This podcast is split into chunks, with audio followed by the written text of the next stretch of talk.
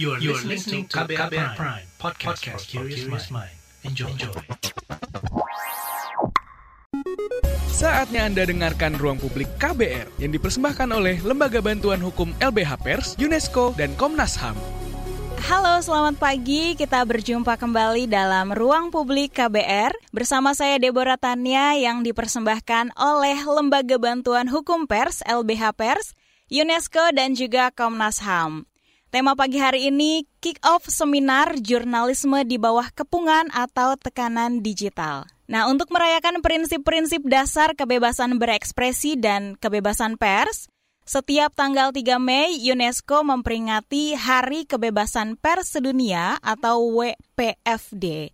Dan peringatan ini sekaligus untuk merefleksikan tantangan yang ada bagi media, kepentingan publik, dan untuk memetakan jalan ke depan bersama dengan semua pemangku kepentingan. Tema tahun ini, jurnalisme di bawah pengepungan digital, yang membahas cara-cara kompleks di mana era digital telah mengubah jurnalisme dari memfasilitasi bentuk-bentuk baru serangan terhadap jurnalis hingga mengubah seluruh model bisnis media berita hingga membentuk kembali hubungan dengan halayak. Konsekuensi ini ditambah dengan efek bencana dari pandemi COVID-19 yang menjadi ancaman eksistensial bagi media kepentingan publik bebas dari kepentingan politik, bisnis, atau pribadi dan perwakilan semua komunitas.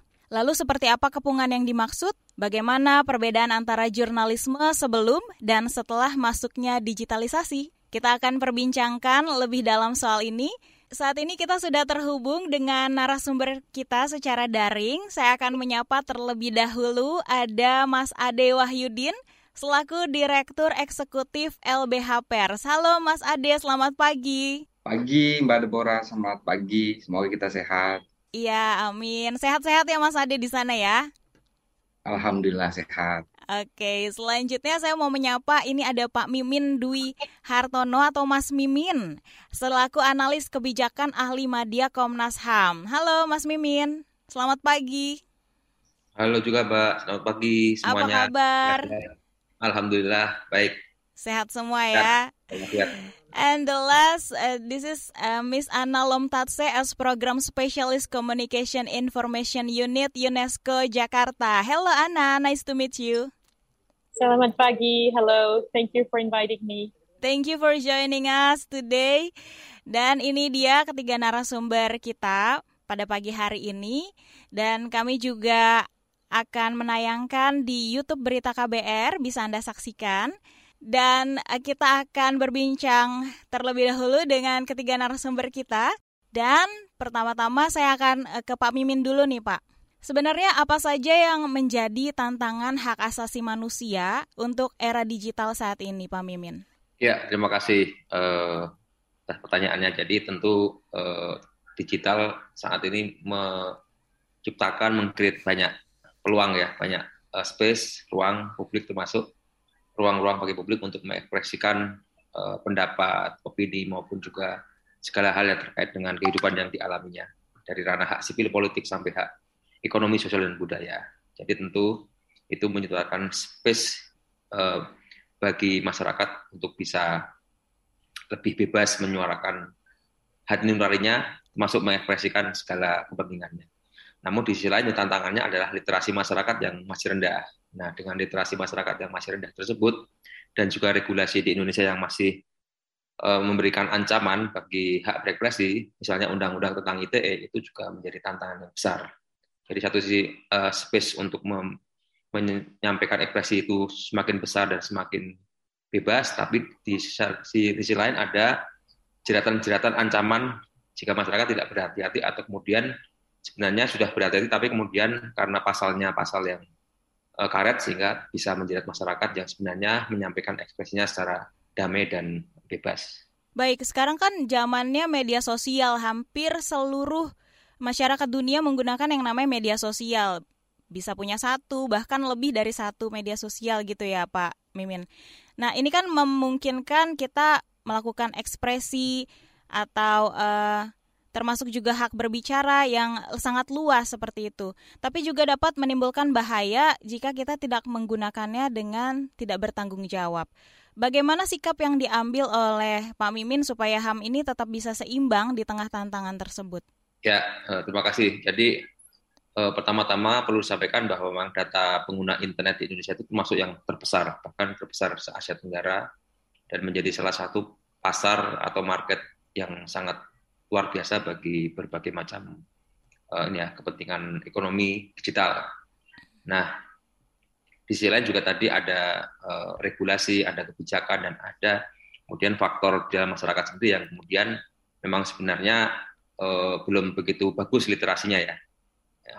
Kemudian juga mereka banyak sekali menerima informasi yang sifatnya masih belum terklarifikasi dengan baik dan mereka dengan mudah like dan men-share yang itu sebenarnya uh, belum tentu sebuah informasi yang benar. Hmm. Nah, itu jadi tantangan tersendiri. Bagaimana kemudian uh, pemerintah itu memberikan edukasi, tidak hanya kemudian menciptakan berbagai sarana prasarana internet kecepatan tinggi, sarana prasarana internet di setiap daerah, tapi juga bagaimana pemerintah atau negara sebagai duty bearer atau pengemban kewajiban itu memberikan edukasi kepada masyarakat, sehingga masyarakat dengan adanya internet itu justru memberikan kontribusi bagi pembangunan.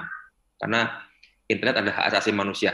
Jadi kita bayangkan jika tidak ada internet maka tentu akan ada banyak persoalan yang tidak bisa disampaikan oleh publik. Karena sekarang dari life kita, kehidupan sehari kita internet dari bangun tidur sampai tidur lagi yaitu yang kita pegang adalah gadget. Jadi untuk menyeimbangkan menyeimbangkannya adalah pemerintah juga harus memberikan edukasi pada masyarakat termasuk bagi korporasi-korporasi yang itu menyediakan platform ini juga mempunyai tanggung jawab sosial dan moral termasuk juga hukum bagaimana mengedukasi masyarakat sehingga mereka juga punya uh, responsibility uh, ketika mereka menyediakan berbagai macam platform digital uh, dan juga sarana prasarana mereka juga memberikan edukasi pada masyarakat sehingga ada keseimbangan antara uh, hak masyarakat untuk menyampaikan ekspresi juga kemudian ada tanggung jawab di sisi lain dari korporasi dan juga negara untuk memberikan edukasi terus-menerus pada masyarakat. Sehingga pada akhirnya nanti internet itu benar-benar menciptakan sebuah kebaikan, menciptakan warga negara yang benar-benar memberikan kontribusi yang positif bagi pembangunan termasuk juga mengkritik ketika ada perilaku kebijakan regulasi yang salah yang harus dikritik oleh masyarakat karena masyarakat punya hak untuk mengkritik. Jadi harus ada uh, keseimbangan di situ ya. Oke, sekarang kita ke Mas Ade nih dari LBH Pers. Mas Ade, di era digital seperti saat ini kan orang dengan mudahnya mendapatkan berita dari berbagai platform ya. Bagaimana LBH Pers melihat fenomena ini dan apa saja dampak positif negatifnya dari era digital saat ini dikaitkan dengan kebebasan pers? Silakan Mas Ade. Oke, okay. ya terima kasih Mbak Deborah. Saya pertama-tama mau mengklarifikasi eh, terkait dengan berita. Apakah yang dimaksud informasi atau berita? Karena berita itu adalah news yang memang mempunyai kode etik gitu. dan informasi itu ya informasi sekedar informasi uh, yang publik sampaikan. Kalau yang ditanya adalah informasi di berbagai media sosial, tentu itu adalah hak setiap warga negara yang dijamin di dalam undang-undang. Setiap orang berhak menyebarkan informasi, mengolah informasi, gitu, mendapatkan informasi. Jadi adanya internet ini merupakan banyak aspek positifnya sepanjang dia tidak kemudian menyalahgunakan untuk kejahatan yang kita tidak pungkiri juga banyak negatif ya. Misalkan eh, perjudian ataupun misinformasi disinformasi yang sebenarnya tugas jurnalisme ada di sana. Bagaimana mengakurasi mengkonfirmasi misinformasi dan disinformasi. Sehingga saya pikir di sini fungsi jurnalisme sangat penting Oke, baik untuk dampak positif negatifnya dari era digital saat ini, kalau kita kaitkan dengan pers seperti apa nih, Mas? Ya, terkait dengan pers tentu ini menjadi tantangan yang cukup besar karena pers bukan hanya penyebar informasi jadinya, dia harus mengakurasi informasi yang berada di media sosial. Jadi informasinya harus benar-benar terkualifikasi dan terakurasi, bukan hanya informasi yang sebatas menyebarkan informasi yang masyarakat bisa sebarkan. Di sanalah saya pikir bagaimana dampak terhadap pers yang dia harus dan atau ditantang lebih berkualitas dibandingkan dengan penyebar informasi yang pada umumnya. Saya pikir di sana uh, fungsi yang cukup besar dan tantangan yang cukup besar bagi kita semua. Ya, lalu untuk perbedaannya antara jurnalisme sebelum dan setelah masuknya digitalisasi, menurut Anda seperti apa, Mas Ade? Ya, eh, perbedaannya adalah informasi yang biasa dahulu itu didapatkan dengan ekstra gitu ya, uh, menyambangi narasumber dan lain-lain. Kini informasi hanya didapatkan dengan mudah, dengan hanya memantau uh, akun media sosial uh, pejabat publik gitu ya, atau kemudian akun media sosial lembaga pemerintahan. The, jurnalis bisa hanya berada di depan komputer, kemudian memantau perkembangan konferensi pers secara online.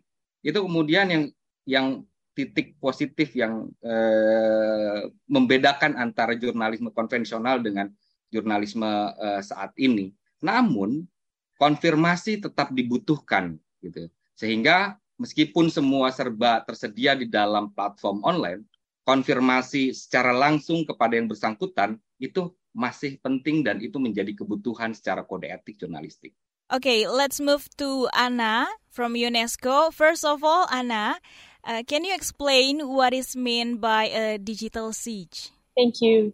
Um, I have to apologize for speaking in English. Terima um, kasih. Sebelumnya mohon maaf jika saya berbicara dalam bahasa uh, Inggris. Uh, so saya belum menguasai bahasa um, Indonesia. Um, and thank you again for this opportunity. Um, I would also like to thank Komnas HAM and LBH Pers for um, partnering with us for this uh, World Press Freedom Day celebration.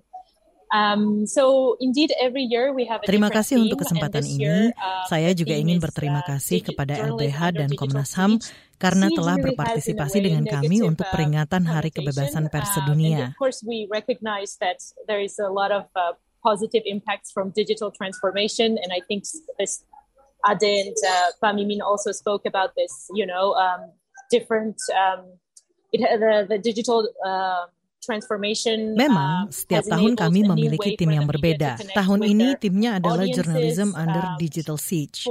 Siege memiliki konotasi negatif dan juga tentu kita tahu bahwa banyak sekali dampak positif dari transformasi digital dan saya uh, rasa Ade dan Pak Mimin juga sudah berbicara tentang ini. Uh, transformasi digital telah diaktifkan atau dibuat.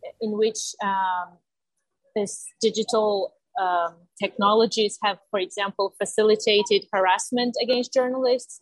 Such as, uh, Transformasi digital telah memungkinkan cara baru bagi media untuk terhubung dengan audiens. Kami um, ingin menyoroti beberapa aspek yang dimiliki oleh teknologi digital.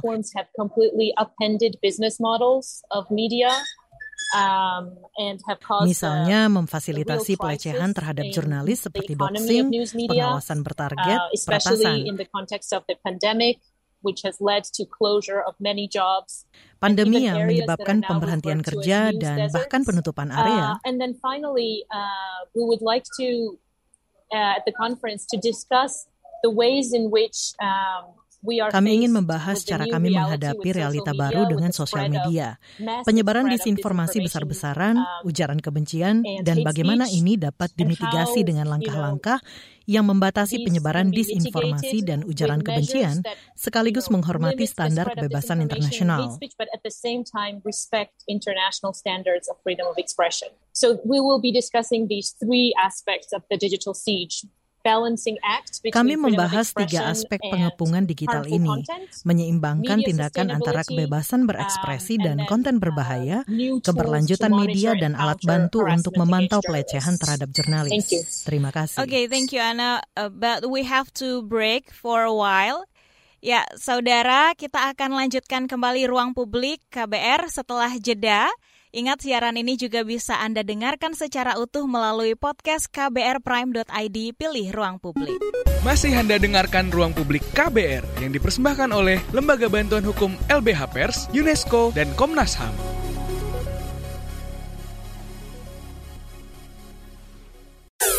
Commercial break. Ada kesedihan, air mata, dan trauma. Namun ada juga gelak tawa, bahagia, dan rasa bangga. Cerita kehidupan manusia adalah perjuangan dan pembelajaran. Pertanyaan dibalik itu secara psikologi, apakah dia punya niat membunuh? Kan belum tentu. Saya kaget ketika ada konflik sesama orang Madura sendiri mengatasnamakan aliran keagamaan. Sejak itu, warga Syiah harus mengungsi sampai sekarang. Untuk kehidupan saya pada waktu itu aja nggak menentu kan. Boro-boro mikirin untuk perpustakaan gitu.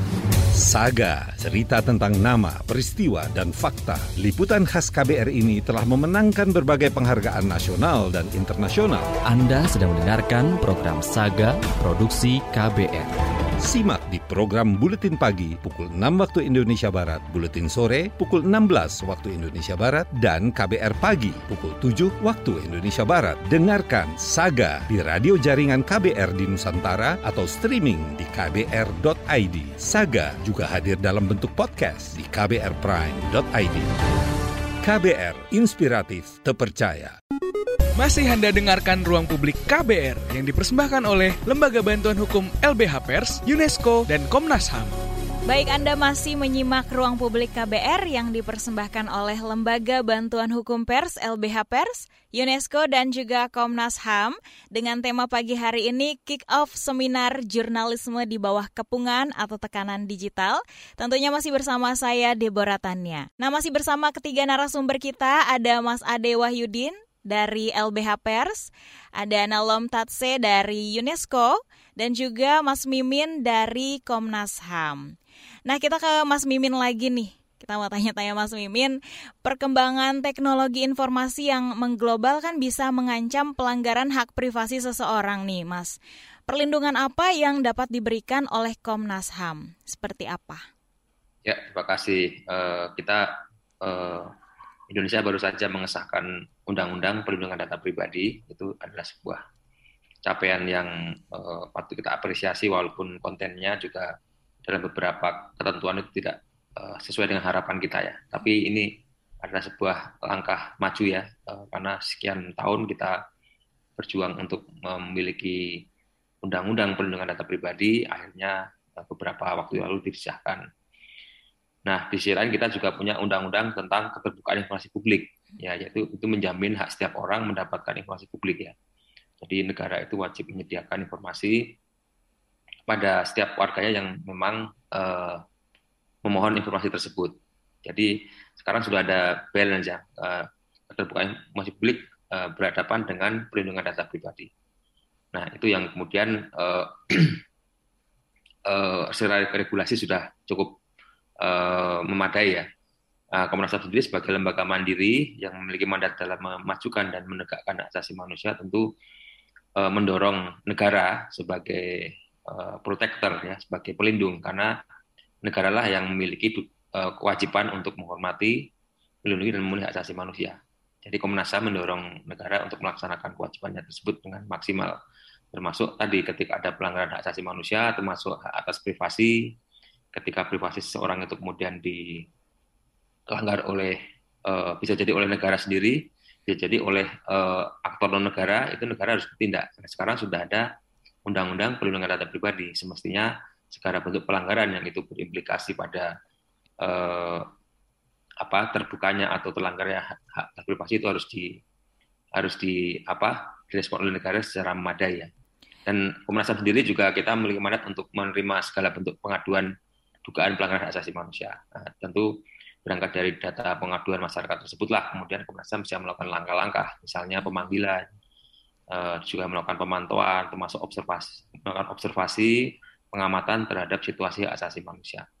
Nah, dari hasil pengamatan situasi maupun juga pemantauan aduan itu yang Komnas HAM sampaikan ke negara, termasuk kita juga memberikan kontribusi terhadap rancangan uh, uh, kita di undang-undang perlindungan data pribadi. Itulah bentuk dari kontribusi Komnas HAM dan satunya. Jadi kita mengkritisi, berikan masukan uh, supaya kemudian konten dari undang-undang perlindungan data pribadi itu benar-benar mencerminkan perlindungan pada hak asasi manusia.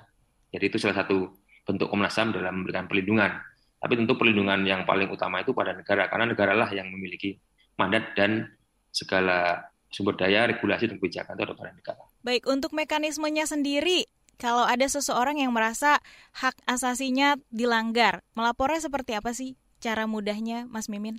Ya, eh, sekarang eh, kita semakin eh, memanfaatkan kemajuan teknologi, jadi melapor bisa melalui email, bisa melalui platform online, kita ada pengaduan HAM online, hmm. bisa juga melalui surat, bisa juga melalui datang langsung ke kantor Komnas HAM. Jadi misalnya kalau mau audiensi, meminta informasi dulu atau melakukan konsultasi juga Komnas HAM menyediakan uh, pelayanan tersebut karena ini salah satu mandat kunci Komnas HAM dalam, dalam memberikan pelayanan pada masyarakat. Jadi sekarang kita mulai terbuka, termasuk ketika ada pengaduan itu masyarakat pengadu bisa melakukan tracking sejauh mana pengaduan tersebut sudah di Komnas HAM. Jadi melalui aplikasi pengaduan online bisa kita lebih accountable ya. Uh, apakah lama ataukah uh, cepat dan sebagainya. Sekarang masyarakat bisa memberikan masukan dan kritik sehingga Komnas HAM bisa lebih portable dalam merespon berbagai aduan masyarakat. Itu nanti bisa cek di pengaduan HAM online itu bisa rekan-rekan uh, bisa cek di situ dan bisa melakukan pengaduan.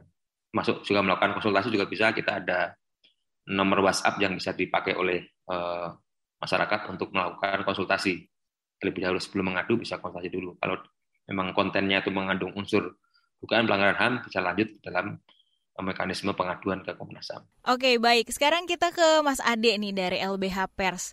Hari Kebebasan Pers tahun ini kan mengusung tema jurnalisme di bawah kepungan digital. Kalau menurut ya. Mas Ade dari LBH Pers ini latar belakang memilih tema ini kenapa kira-kira Mas Ade? Ya, uh, betul yang disampaikan oleh Ana sebelumnya terkait dengan bagaimana sebenarnya uh, isu digitalisasi ini menjadi isu yang penting untuk kita diskusikan. Nah, latar belakangnya sebenarnya tidak lain bahwa saat ini memang kita sedang berada di dalam kepungan digitalisasi, gitu ya. baik dari soal kesejahteraan jurnalis, bahkan dari soal kekerasan, baik itu kekerasan fisik maupun kekerasan digital gitu ya. Eh, kekerasan eh, digital yang sering muncul misalkan terkait dengan peretasan. Kita sudah tidak asing dengan istilah peretasan yang dialami oleh teman-teman media gitu ya. Eh, dua bulan yang lalu eh, kami juga mendampingi kasus yang eh, dialami oleh teman-teman narasi yang berusaha diretas. Kemudian ada kasus doxing, ada kasus eh, apa bullying kepada teman-teman jurnalis. Gitu ya.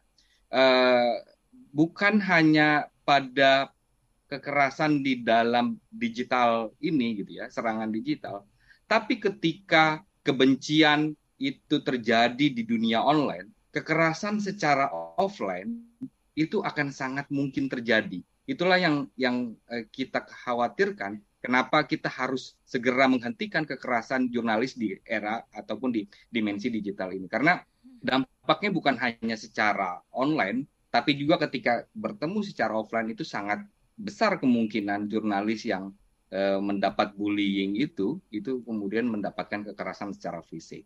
Nah, itu saya pikir menjadi tema yang cukup penting saat ini dan kita diskusikan. Masyarakat zaman sekarang kan lebih cenderung mengakses media digital daripada media konvensional kayak TV, radio atau media cetak. Bagaimana supaya media konvensional ini bisa tetap eksis di era digital saat ini, Mas Ade? Oke, okay. sebelum masuk ke pertanyaan itu, sebenarnya gini, digitalisasi itu akan sulit kita hindarkan, gitu ya. Hmm. Jadi mau nggak mau, memang media harus beradaptasi dengan konteks yang ada. Uh, kita nggak bisa juga mempertahankan yang memang arus masyarakat penuhnya ke, ke soal digital uh, media harus ditantang untuk merubah dirinya menjadi digital. Makanya kemudian banyak juga uh, apa media digital gitu ya. Uh, yang juga menjadi tantangan kalau misalkan media-media konvensional yang harus tetap eksis misalkan bagi kami sebenarnya konten berkualitas itu tidak ada matinya. Mau itu dalam platform digital ataupun misalkan dalam uh, cetak gitu ya, televisi, ketika misalkan itu kontennya konten berkualitas, jurnalisme investigasi, jurnalisme data gitu ya, yang di mana itu tidak bisa dilakukan oleh sembarang orang, di mana pun itu platformnya, itu tetap dibutuhkan oleh masyarakat gitu ya. Uh, sehingga titik tekannya adalah bukan bagaimana mempertahankan media konvensional ini tetap eksis, tapi bagaimana kita menjaga jurnalisme berkualitas tetap eksis jurnalismenya yang kemudian harus kita jaga agar ini tetap hidup di digital dan konvensional. Oke, okay, next we wanna ask Anna. Hello Anna. Yes. Okay, Anna, how does UNESCO see journalism in today's digital era? Oh, thank you for this very vast and complicated question. Um, how does UNESCO see journalism in the digital era? Um, yes, um, we see the digital era is very complex. Obviously, it provides both opportunities and challenges. Um, some of the challenges I mentioned, we will be discussing it at the conference. Ya, kami melihat era digital memang sangat kompleks. Jelas itu memberikan peluang dan tantangan. Beberapa tantangan yang saya sebutkan akan uh, dibahas di konferensi. Model bisnis transformasi. Semua pendapatan iklan sekarang masuk ke platform media sosial. Tumbuhnya ketidakpercayaan terhadap publik dan media arus utama serta keterpisahan dari berita. In growing uh, a loyal base of audience so that they can survive uh, even in branding to show how they're different from other media as there is uh, you know so much competition from not not just among media outlets but also Berita senior benar-benar perlu berinvestasi untuk menumbuhkan basis audiens yang loyal agar mereka dapat uh, bertahan. Bahkan dalam uh, branding untuk menunjukkan bagaimana mereka berbeda dari media uh, lain, seperti yang Anda tahu, ada begitu banyak persaingan antara warga dan jurnalis, influencer, semua jenis aktor. Sangat sulit untuk mengatur konten secara online dan ada resiko besar untuk melemahkan kebebasan berekspresi and for governments um, how to regulate without endangering journalism, without endangering freedom of expression. Dan menurut saya, ini adalah tantangan besar bagi uh, jurnalis di era digital. Simpulkan pemerintah bagaimana mengatur tanpa membahayakan jurnalisme, tanpa membahayakan kebebasan berekspresi. Namun lagi-lagi, era digital menawarkan peluang besar bagi media untuk berkolaborasi lintas batas. Alat digital memungkinkan media menganalisis data besar uh, dan melibatkan kemitraan, juga hanya untuk terlibat dengan um, audiens secara berbeda. Oke. Okay. Thank you. Okay, Anna, thank you, but we have to break for a while again. Mas Ade, Mas Mimin, kita akan kembali lagi setelah jeda. Saudara Ruang Publik KBR, bisa Anda simak juga di podcast kbrprime.id, pilih Ruang Publik. Masih Anda dengarkan Ruang Publik KBR yang dipersembahkan oleh Lembaga Bantuan Hukum LBH Pers, UNESCO, dan Komnas HAM.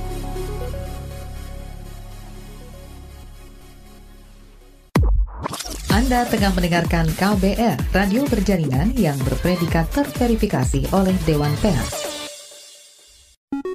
Masih Anda dengarkan Ruang Publik KBR yang dipersembahkan oleh Lembaga Bantuan Hukum LBH Pers, UNESCO, dan Komnas HAM. Ya, masih Anda dengarkan Ruang Publik KBR yang dipersembahkan oleh Lembaga Bantuan Hukum Pers, LBH Pers, didukung oleh UNESCO dan juga Komnas HAM.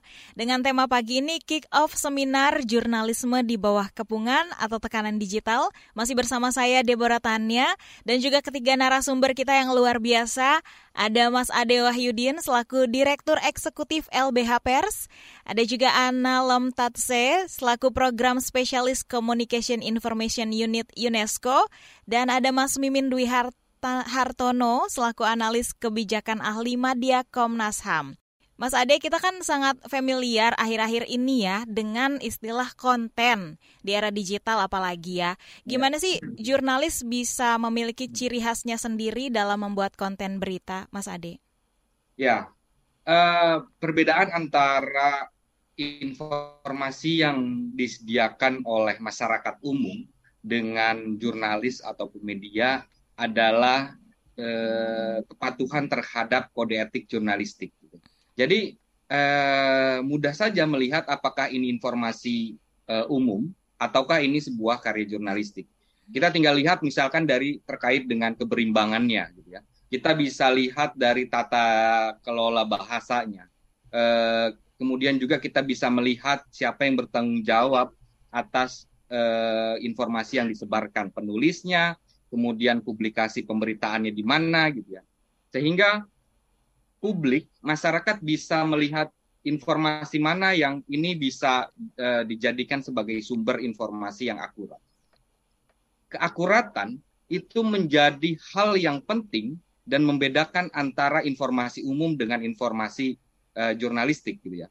Ketika informasi jurnalistik diterima oleh publik, artinya seharusnya informasi itu sudah akurat dan sudah bisa dijadikan dasar oleh masyarakat untuk sebuah kepercayaan dia gitu ya eh, terkait dengan informasi. Karena kalau informasi eh, biasa, gitu, informasi umum itu kan nggak ada penanggung jawabnya tuh, hanya penyebar saja.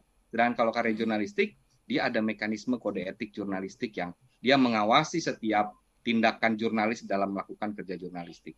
Saya pikir itu yang menjadi ciri khasnya. Nah, lalu bagaimana LBH Pers melihat sekarang ini banyak fenomena jurnalis independen ya, yang tidak terikat dengan suatu perusahaan. Bagaimana ya. sih prospeknya ke depan di Indonesia untuk para jurnalis independen ini, Mas Ade?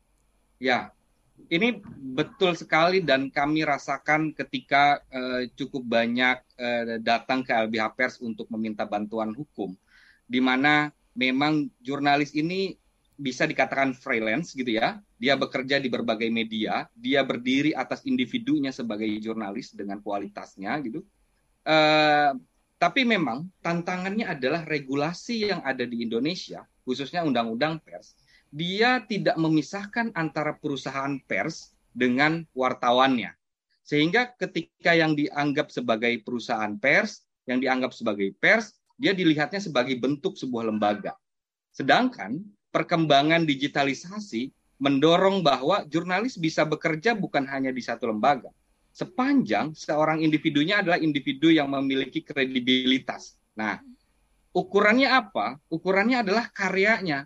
Sepanjang karyanya bisa diuji memenuhi indikator kode etik jurnalistik, seharusnya dia bisa dianggap dan bisa dilindungi oleh hukum, gitu ya. Tapi inilah balik lagi PR-nya adalah terkait dengan regulasi dan kemauan para pemangku kepentingan untuk mengakui bahwa di luar banyak teman-teman jurnalis yang tidak memiliki rumah gitu ya. Dan mereka berdiri atas dirinya dan berdiri atas kredibilitasnya dengan berdiri sendiri dan bekerja dan dalam kerangka karya jurnalistik. Dan itu menjadi tantangan kita saat ini. Oke, kita ke Mas Mimin nih. Berbicara tentang regulasi yang tadi dibahas oleh Mas Ade, Adakah regulasi khusus apabila terjadi konflik nih antara melindungi privasi dan juga kepentingan mempertahankan keterbukaan informasi dan data? Mas Mimin. Ya, terima kasih Mbak Deborah. Sebenarnya sudah ada tadi saya sebutkan Undang-Undang Nomor 14 Tahun 2008 tentang uh, keterbukaan informasi publik. Itu sudah diatur mana yang masuk kategori informasi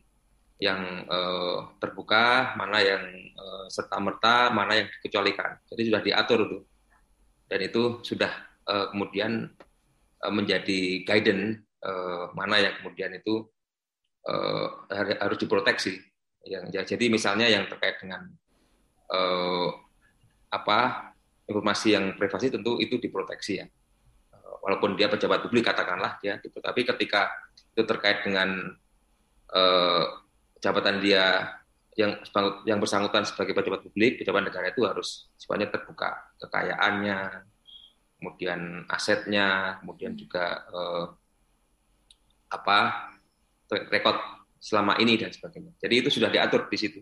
Jadi mekanismenya bisa melakukan permohonan ke instansi yang terkait, kemudian instansi terkait akan eh, merespon tersebut kalau itu kemudian masuk dalam kategori informasi yang terbuka ya harus disediakan eh, dan disampaikan ke pemohon yang bersangkutan.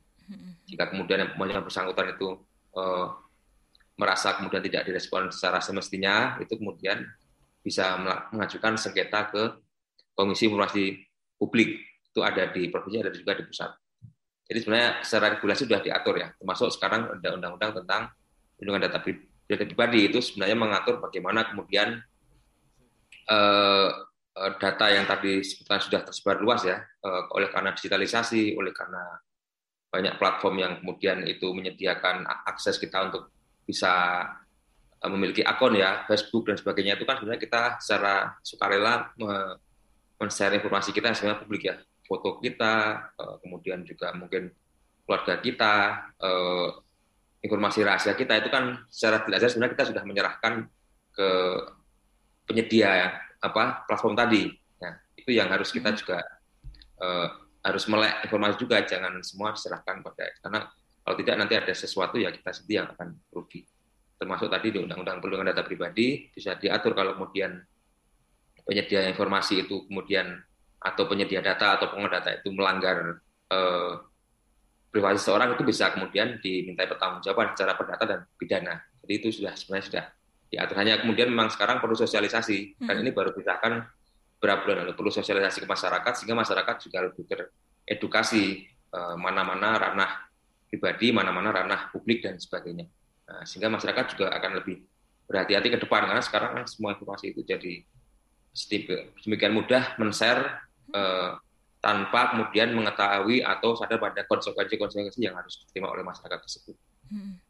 Jadi itu perlu sosialisasi, perlu edukasi. Jadilah peran dari jurnalis juga penting di situ. Bagaimana jurnalis dengan berbagai platform yang ada itu juga eh, memberikan informasi pada masyarakat, menjadi kanal-kanal penting bagi masyarakat untuk memperoleh hak atas informasinya. Hmm. Ya. Kira-kira gitu. Iya, karena kita memang tahu juga ya, Mas Mimin, sekarang kan yang mempergunakan media sosial, internet itu kan bukan cuma orang-orang dewasa, tapi mulai dari anak-anak kecil pun mereka sudah bisa menggunakan, sudah canggih gitu ya anak-anak zaman now itu mempergunakan media sosial. Mereka bisa share apa pun di situ tanpa mereka tahu ternyata ada bahayanya jika dipergunakan dengan tidak bertanggung jawab. Nah, baik, I want to move to Anna. Anna, what is the role of social media in digital journalism? From your perspective? Um, thank you for this question. Um, what is the role of social media for digital journalism? Yes, um, it's um, yeah, it's it's a, it's a complex role. I mean, on the one hand, uh, social media is an outlet for digital media to Terima kasih atas pertanyaan ini. Apa peran media sosial ya? Itu peran yang kompleks. Maksud saya di satu sisi, media sosial sebagai saluran media digital untuk menemukan audiens baru, terutama yang lebih muda yang belum tentu terlibat dalam arus media utama, tidak menonton TV, tidak menggunakan koran.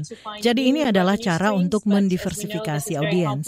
Idealnya itu harus menjadi cara untuk menemukan aliran pendapatan baru, tetapi seperti yang kita ketahui, ini sangat rumit juga. Kehadiran media sosial jelas kecepatannya dalam hal penyebaran besar-besaran disinformasi, konten berbahaya, ujaran kebencian. Jadi dengan cara itu benar-benar sebuah tantangan. coupled with disinformation is this um, threat of buzzers and bots, uh, you know, concerted efforts to Uh, Dan kemudian uh, populasi disinformasi membantu uh, dengan disinformasi adalah ancaman buzzer ini. Dan tidak membawa Anda upaya bersama untuk menyebarkan Anda tahu berita palsu tetapi juga terhadap penangkapan jurnalis dan penyerangan media dan secara khusus dibuat untuk beberapa halaman artikel media menghilang. dan saya pikir satu masalah yang kami lihat sebagai UNESCO dalam hal ini adalah kurangnya kerangka peraturan atau akuntabilitas apa pun dari sisi platform media sosial untuk berinvestasi informasi lebih banyak untuk memastikan bahwa efek negatif ini dibatasi. Terima kasih. Yeah. Thank you. Anna, and uh, the the digital disruption that is currently happening has made hoaxes and fake news easily spread on the media and social media. What is your contribution to wording of hoaxes in Indonesia? But before you answer this question, let uh, let me take a break for a while. Oke, Mas Ade, Mas Mimin, kita harus jeda terlebih dahulu. Kita akan lanjutkan setelah ini. Dan kami juga mengundang Anda untuk mendengarkan kami via podcast kbrprime.id pilih ruang publik. Masih Anda dengarkan Ruang Publik KBR yang dipersembahkan oleh Lembaga Bantuan Hukum LBH Pers, UNESCO, dan Komnas HAM.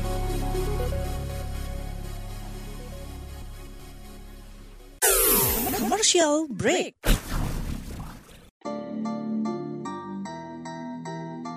Come on yo. Buat yang sukanya berhoax You better listen to this one. Check this one out yo. Hati-hati kalau baca kabar. Hoax.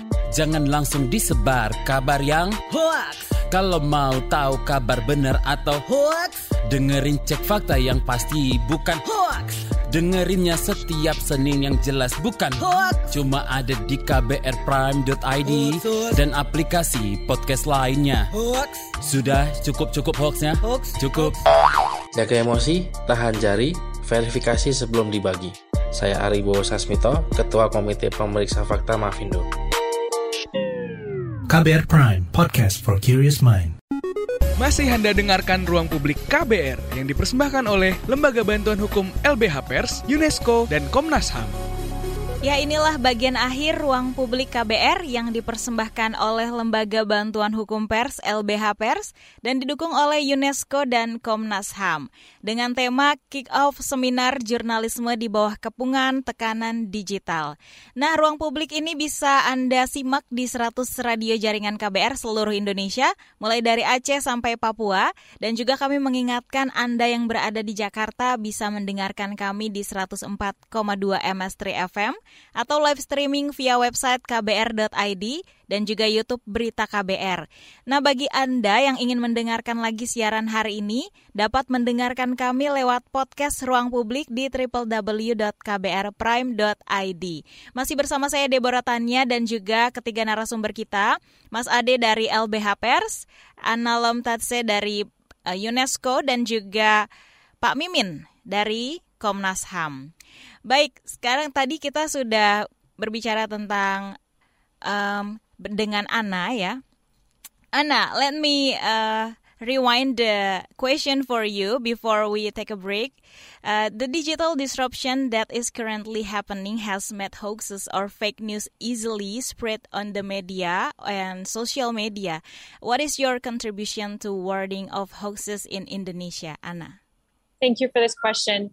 Um, our main contribution is through a project called Social Media for Peace, which is funded by the European Union. Um, we started this project in 2021, and the overall goal is to Terima kasih untuk pertanyaannya. Kontribusi utama kami adalah membuat proyek yang disebut sosial media untuk perdamaian yang didanai oleh Uni Eropa. Kami memulai proyek ini tahun 2021 dan tujuannya adalah salah satunya untuk mengerti skala dampak konten berbahaya seperti disinformasi dan penyebaran ujaran kebencian di Indonesia untuk menekan penyebarannya dan untuk memfasilitasi narasi damai yang dibangun di media sosial yang menggunakan peralatan digital dan pada umumnya. Uh, existing national regulatory frameworks uh, addressing harmful content in Indonesia. And the major finding was that Jadi yang kami lakukan adalah pertama, kami bekerja sama dengan artikel 19 dan Pusat Masyarakat Digital Universitas Gajah Mada untuk pelaksanaan penelitian. Kami menugaskan uh, penelitian tentang kerangka regulasi nasional yang ada untuk menangani konten berbahaya yang ada di Indonesia. Dan temuan utama cukup untuk mengatasi konten berbahaya. use uh, and dynamics on social media and we found Definisi konten berbahaya terlalu luas dan tidak ada perbedaan antara konten berbahaya dan konten ilegal dan banyak lagi.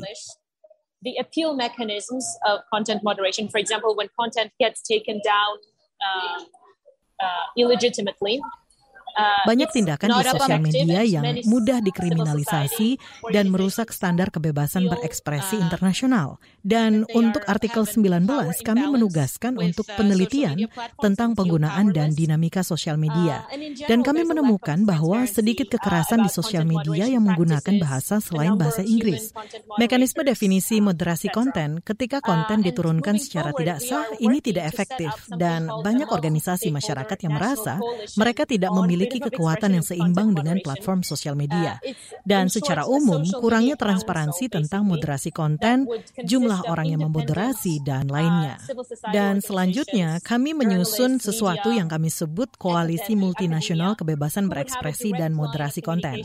Singkatnya, ini adalah Dewan Media Sosial pada dasarnya yang terdiri dari organisasi masyarakat mandiri, jurnalis, media, akademisi yang memiliki keterkaitan dengan platform sosial media media dan memberi saran untuk postingan individu di sosial media, tapi dalam praktek moderasi uh, konten.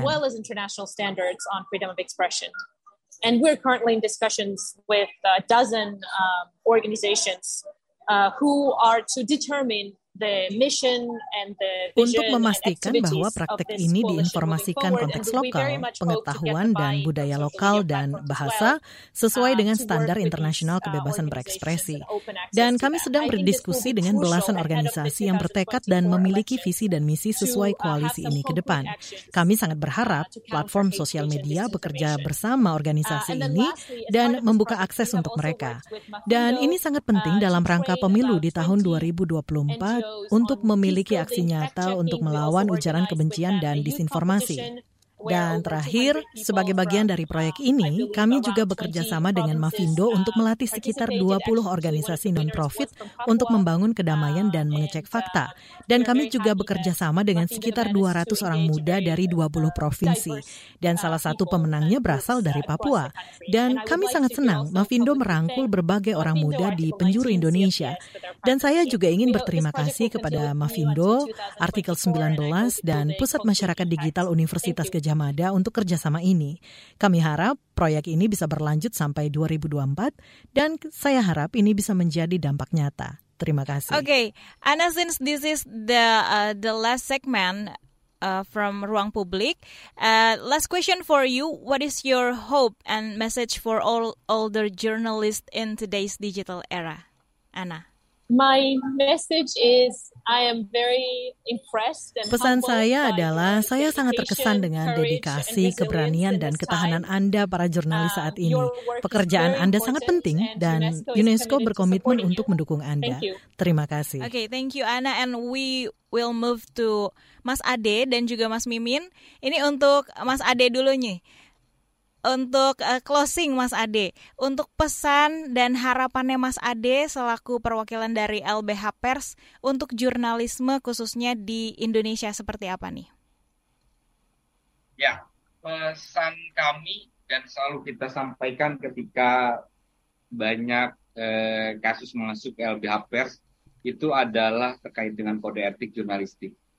Eh, seberapa banyak pasal yang mengepung untuk mengkriminalisasi jurnalis sepanjang karya jurnalistik dan perilaku jurnalisnya sesuai dengan standar kode etik jurnalistik, dukungan dari berbagai aspek itu banyak. Pembelaan dari berbagai aspek hukum juga banyak gitu ya. Jadi eh, meskipun banyak ancaman di luar, gitu, eh, jangan takut untuk bekerja jurnalistik secara yakin, percaya diri dan kredibel uh, gitu ya uh, karena dengan kode etik itu menjadi daya kebal seorang jurnalis dalam melaksanakan tugas-tugasnya. Tentu ini juga akan menambah kepercayaan publik terhadap media, kepercayaan publik terhadap jurnalis untuk uh, mengeluarkan informasi-informasi yang berkualitas. Itu. Terima kasih. Nah, untuk untuk Mas Ade, masih untuk Mas Ade, apa sih eh, yang ingin Mas Ade sampaikan kepada pemerintah terkait regulasi ini yang berkaitan dengan pers? Ya, terkait dengan regulasi ini kebetulan saat ini akan disahkannya RKUHP yang di mana di dalam RKUHP cukup banyak pasal yang berpotensi menghambat kerja jurnalistik dari defamation, uh, kemudian contempt of court, uh, dan berbagai pasal lainnya di dalam RKUHP. Sehingga Dorongannya adalah pasal-pasal ini jangan sampai disahkan karena dia berpotensi menghambat kebebasan pers yang sebenarnya kebebasan pers merupakan bagian dari hak asasi manusia gitu ya. Dan ketika jurnalisnya akan dihambat, kebebasan pers dihambat, tentu cermin demokrasi di Indonesia juga akan retak gitu ya. Karena e, ketika kita ingin melihat sebuah negara itu adalah negara demokrasi, kita tinggal melihat apakah pers di dalamnya bebas atau tidak. Ketika persnya terhambat, ketika persnya banyak kekerasan, banyak kriminalisasi, tentu kita mempertanyakan sebuah negara itu adalah negara demokrasi. Mungkin itu pesan dari kami. Terima kasih. Nah, terima kasih Mas Ade. Terakhir untuk Mas Mimin, untuk pesannya dari Mas Mimin kepada rekan-rekan jurnalis di tengah kepungan digital saat ini seperti apa nih Mas Mimin? Ya, terima kasih. Tentu uh, peran jurnalis sangat penting ya. Pertama penting di era digital karena informasi banyak, tapi informasi yang berkualitas itu sedikit sekali.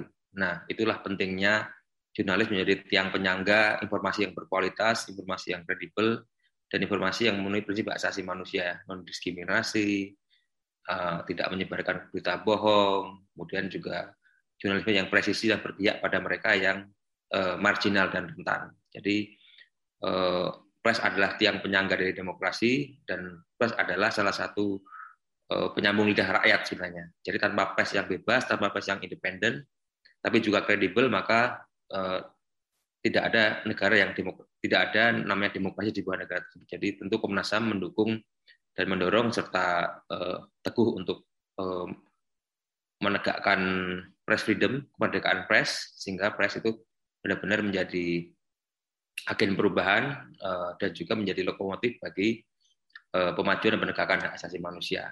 Uh, saya kira itu dari kami. Terima kasih. Ya, baik. Terima kasih untuk closing statementnya dari Mas Mimin. Nah, kami juga mengingatkan buat Anda, saudara, jangan lupa untuk menyaksikan rangkaian acara dalam rangka memperingati Hari HAM dengan tema Journalism Under Digital Siege, serta memperingati Hari Kebebasan Pers Sedunia di hari Jumat ini, tanggal 9 Desember 2022 Jumat minggu depan ya maksud saya di Perpustakaan Nasional atau melalui YouTube Berita KBR. Dan terima kasih sekali untuk Mas Ade, Mas Mimin atas waktunya sudah bergabung dengan kami and also Anna, I would like to thank you for your time joining us today. Terima kasih. Terima kasih Anna. Dan saudara, karena waktu kita terbatas, saya harus undur diri mengakhiri perbincangan ini. Terima kasih sudah bersama-sama dengan kami di Ruang Publik KBR. Saya Deborah Tanya undur diri. Salam. Baru saja Anda dengarkan Ruang Publik KBR yang dipersembahkan oleh Lembaga Bantuan Hukum LBH Pers, UNESCO, dan Komnas HAM.